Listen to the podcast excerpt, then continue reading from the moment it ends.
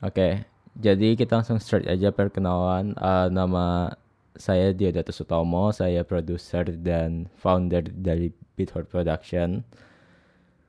Kalau Raffi gimana? Ko Raffi? Ya sebenarnya nama gue sih Bagus Raffi Renardi sih. Biasa dipanggil Bagus, Raffi atau Pancek sih biasanya juga ada nama ya. Ya nama nickname gue Pancek sih ya. Soalnya kayak yang lu tahu sendiri, soalnya gue dari Sentra Makmur kan. Soalnya Sentra Makmur apa sih? Soalnya kayak itu sama teman gue dua lagi namanya Fahri sama Nino itu sebenarnya kayak lebih ke review-review film aja sih kita karpulan gitu kayak ngupas film oh. dari segi sinematografinya, coloringnya, storynya gimana dan ya kurang lebih kesan pesan kesan kita sama pesan siapa kritiknya apa sih filmnya bagus gitu gitu sih sama paling ya kita bertiga punya PH kecil-kecilan juga gitu sih kurang lebih oke okay, oke okay. ya kurang lebih sama sih kalau Bitter juga kayak kita semacam production house buat musik video, film dokumenter atau short film. Kalau bisa nanti ke depannya kita buat film panjang di bioskop. Dan ya itu masih panjang lah. jadi ya jadi intinya sekarang kita bakalan bahas tentang film April dulu ya. Hmm, luar negeri dulu kali ya. Soalnya kalau luar negeri kan kalau orang-orang Indo lebih ya biasa. Kalau yang dari gua itu Hellboy ya, itu bakalan tayang 10 April 2019. Dia jadi kalian tahu lah ya kalau misalnya kalian anak kecil juga udah tahu Hellboy itu film tentang apaan. Untuk productionnya dari Lionsgate dan Dark House itu masih ada dua production house yang lainnya untuk garap film ini. Cuman yang production intinya ya Lionsgate sama Dark House. Untuk sutradaranya Neil Marshall, uh, dia itu uh, sutradara terbaik lah untuk British Independent Film. Untuk penulisnya Mike Mignola. Jadi kita udah tahu kayak dia penulis Hellboy, dia pembuat komik Hellboy. Dan uh, untuk sinopsisnya, jadi itu kayak lanjutan Hellboy 2, dia sequelnya dan plotnya masih dirahasiain. Jadi kita belum tahu nih. Cuma title sama bentuk Hellboy yang baru di setelah remake yeah, gimana baru kayak yeah, gitu. Yeah. Soalnya aktornya juga beda nih sama yang lama kan. Padahal ini film lanjutan, bukan Ron Perlman lagi tapi jadi David Harbour. Ya untuk editingnya itu masih gaya Lionsgate banget. Kalau untuk editing kita kayak saya sih nggak terlalu suka secara personal, cuman soalnya masih agak kelihatan gimana gitu. Uh, masih kelihatan lah uh, gaya-gaya uh, editing lama gitu kayak nggak nggak lihat banyak kemajuan juga cuman mungkin bagi kalian banyak yang suka jadi ya itu sih untuk film pertama Hellboy kalau dari lu gimana nih? Kalau gue sendiri sih tentunya soalnya udah tayang sih kalau yang ini Sezam ya. Kalau Sezam menurut gue sih yang pertama yeah. harus ditonton banget buat bulan ini sih ya dua hal sih Sezam sama satu lagi. Tapi nanti dibahas selanjutnya. Yang pertama Sezam yeah, yeah. kenapa Sezam soalnya sih nggak tahu sih mungkin banyak orang yang bilang lebih prefer ke Marvel ya daripada DC tapi kalau yeah, se yeah. menurut gue kalau Shazam tuh menarik sih soalnya dari beberapa superhero DC kenapa dia ngambil Shazam gitu loh. Banyak soalnya Shazam yeah. tuh salah satu ya anggaplah superhero unik sih menurut gue gue ini kalau dari production house dari production house-nya kan uh, Warner Bros sendiri sama DC Comics kan. Nah iya yeah, iya yeah, iya. Yeah Shazam ini kurang lebihnya sinopsisnya tuh kayak suatu anak kecil yang di mana dia kayak diberikan kekuatan oleh seorang magician atau wizard yang di mana dia kalau ngomong Shazam dia akan berubah jadi superhero kayak gitu. Nah, sedangkan hmm. sinopsisnya sendiri tuh kayak kalau di komik ya, gue ngikutin kok komiknya cuma sedikit sih. Kayak dia tuh lawan Seven kayak Seven Deadly Sins gitulah. Jadi kayak ada Grit, ada Last, ada kurang oh, lebih kayak kayak gitu-gitunya. Nah, menurut teman gue juga sih kalau yang memang baca komik kurang lebih hampir sama kayak komik sih juga ada Shazam Family dan Shazam sendiri tuh sudah kayak singkatan dari apa ya Solomon pokoknya nama-nama dewa Romawi eh Romawi apa Yunani ya gue lupa pokoknya itu oh. Solomon Wisdom gitu-gitu sih kurang lebih makanya menarik banget buat yeah. ditonton sih dan apalagi yeah, yeah, yeah. kemarin misalkan setelah kemarin kan kalau di awal di akhir tahun ada Aquaman tuh yang kualitasnya ya bisa dibandingkan buat DC apalagi Wonder Woman. Dan yeah, yeah, Shazam yeah. aja kayak mungkin beberapa buat kualitas menurut gue sih lagi bagus banget sih. Dan ya buat lawannya Marvel yang sekarang dia lebih lagi kebalik sih yang Marvel jadi stylenya lebih gelap kayak DC awal-awal Justice League.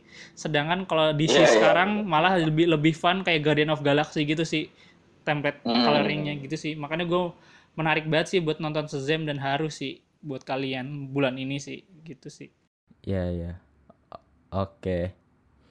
Kalau gue lihat sih eh, Shazam kayak masih ini banget ya. eh, masih ada DC-nya, cuman kayak transisi nih ke gaya film yang baru gitu ya. DC yang lebih DC versi Marvel Hmm. ya gitu sih Iya, iya, iya, betul, betul.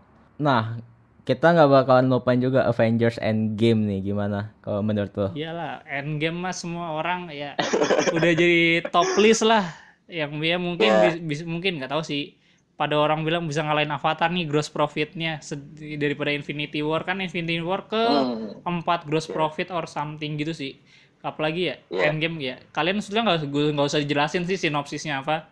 Pasti udah tau lah dari Infinity War Iya, iya. lanjutannya gimana ya. Cuma pasti spoiler-spoileran udah mulai banyak.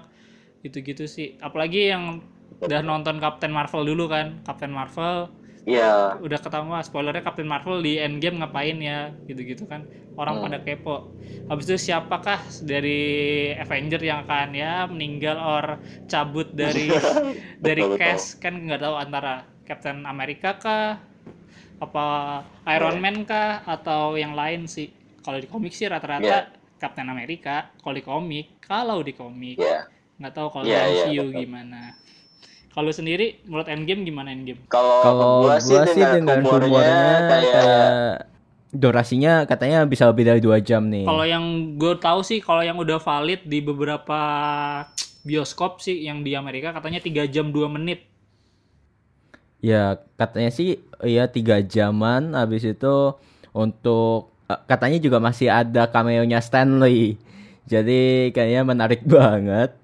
Cuman kita nggak tahu ju- iya kita nggak tahu juga nih masih ada atau enggak. Soalnya mungkin aja gue sih berharapnya ada gitu Stanley untuk cameo-nya. Kalau kata Kevin Page sih masih tentu tentunya masih ada cuma habis Avenger in Endgame Endgame aja sebenarnya masih ada Far From Home kan Spider-Man cuma katanya Iya, cameo iya. terakhirnya Stanley pengen ditaruh di Endgame aja biar jadi bener-bener memorable gitu loh katanya katanya walaupun di Far From Home masih ada sebetulnya harusnya Oke.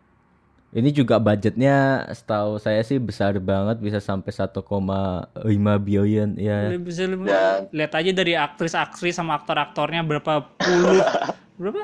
Betul, betul. 8 16 sekitar ada 32an artis yang dengan nama-nama besar di sana. Iya, Apalagi iya, iya, betul banget. satu aja kadang-kadang susah bayarnya ini 32 coba. Iya, betul. Dan mak- eh, makin lama makin naik juga nih ya ini ya honornya. nah, kita move on ke film Indonesia nih. Kalau film Indonesia gimana? Sebenarnya film Indo kalau bulan ini menurut gue sih nggak terlalu banyak yang sebagus kayak misalkan kayak bulan-bulan kemarin. Tapi bulan-bulan ini ada beberapa. Cuma itu sudah kayak sisa-sisaan dari bulan kemarin yang dipush. Ada ada yang dipush, ada yang juga yang nggak. Mungkin kalau gue sih Iya. ada tambahan mungkin sebenarnya dari har- harusnya gua F Mariam tapi sebenarnya kalau F Mariam bagi gua kayak terlalu niche market banget sih terlalu ya Iya, iya. emang dia apa ya gue kurang dia Katolik atau Kristen ya pokoknya tentang Mariam itu sendiri kan. Itu sih Iya, gue betul. ceritanya nggak terlalu tahu banyak. Cuma gue penasaran aja karena Joko Anwar sendiri sebagai direktur Pengabdi Setan dia sering promosiin terus. Dan juga Betul, dia betul. jadi salah satu pemain di situ sih yang gue buat kepo ada apa ya di F Mariam ya? Apakah sebagus apa? Cuma banyak gue nonton trailernya pun banyak kayak scene-scene yang kayak ya puitis-puitis dan mengelambangkan Iya, iya. keagamaan gitu sih tapi gue karena gue agamanya Islam jadi kurang ngerti juga Iya ya. Kalau lihat eh cuplikannya kayak slow-slow gitu ya. Ya, lain banget sama Pengabdi Setan. Kalau Pengabdi Setan kan kayak tegang-tegang gimana gitu. Cuman mungkin ini juga bukan film horor, jadi kita nggak bisa kaitin juga ya. Iya, biar religi. Iya, betul banget. Kalau ya sih itu ditunggu banget soalnya sutradaranya juga nggak main lah untuk di Indonesia kan. Terus Kalau- setahu gue dia menang udah menang film festival kok sebelum dijadiin ke bioskop jadi sebenarnya kayak dia Iya, iya, udah iya. film festival beberapa gitu kalau nggak salah baru masuk ke Indo di bioskop bukan memang target film bioskop Iya iya. Kalau dari gua sih 27 Steps of May. Jadi itu kayak kalau kalian tahu itu kayak ini film indie banget. Jadi belum ada production house yang besar. Jadi kayak buatan anak-anak gitu. Eh nggak tahu bukan buatan anak-anak buatan anak sembarangan juga ya Chan. Soalnya dia udah menang di Busan International Film Festival, Asian Cinema. Pokoknya banyak lah eh, festival terkenal dia udah masuk ke situ. Eh, itu pun udah Oktober tahun 2018, cuman baru tayangnya di Indonesia. Ya tau lah kalau Indonesia kan biasanya itu tuh harus terkenal dulu kan di luar gitu harus iya ikutin festival iya baru bisa baru bisa masuk gitu ke bioskop eh, dalam eh, di nasionalnya. Untuk sutradaranya sama penul- penulisnya belum tahu juga sutradaranya Raffi Barwani belum belum tahu juga penulisnya Raya Makarim belum tahu kalau untuk sinopsisnya sih tentang kayak latarnya itu 1998 tentang pemerkosaan jadi intinya tentang ada ya tentang anak nah global ah, global economic global failure Iya, iya, iya, iya, betul. Jadi itu kayak kisahnya tentang gadis namanya Mei gitu. Habis itu dia diperkosa. Habis itu ayahnya merasa bersalah karena nggak bisa jaga dia. Habis itu jadi ayahnya cuman nemenin dia aja di, gitu di rumah gituan dia stres, eh trauma lah trauma. Jadi intinya ada seorang pesulap gitu. Kalau kalian ya cuplikannya itu aneh banget sih, so, makanya buat menarik gitu. Jadi intinya ada pesulap gitu, habis itu dia tinggal dia jadi tetangganya. Itu pesulap ini eh, yang buat dia jadi move on gitu, move on dari cerita traumanya itu. Jadi kayak gitu sih, menurut gue sih lumayan menarik lah ceritanya. Lumayan lucu, gimana, tegang atau gimana. Soalnya drama banget sih kalau dilihat dari bulan ini kebanyakan ya, yang keluar lebih ke drama sih kalau di Indonesia nggak tahu kenapa Iya, iya, iya, iya, betul, betul. Sedangkan, ya, sedangkan internasionalnya lebih ke action ya, Hellboy, Avengers, Shazam. action fantasy sih kalau di luar Kalau- Iya, iya, iya, betul, betul banget. Oke, jadi itu sih kita recap aja. Jadi tiga film internasionalnya ada Hellboy, Avengers, sama Shazam. Dan untuk Indonesianya ada 27 Steps of May dan ada eh ya F Mariam. Itu sih. Oke, sampai sini aja deh kayaknya udah cukup itu best eh, best menurut kita berdua nih ya. Soalnya yang lainnya masih banyak sebenarnya untuk yang April cuman menurut gue sih mas ya banyak juga film yang nggak jelas. Cuman jadi ini ya GGV juga banyak sih film-film Korea dan film-film di Southeast Asia lagi cuma kadang-kadang kalau di iya, nggak iya. kurang terkenal sih paling ya itu. Iya, saran kita Betul, dari western sama Indonesia aja sih gitu iya, iya, iya. Oke, makasih Raffi. yo thank you eh, Iya, sama-sama yo, thank you. That's it.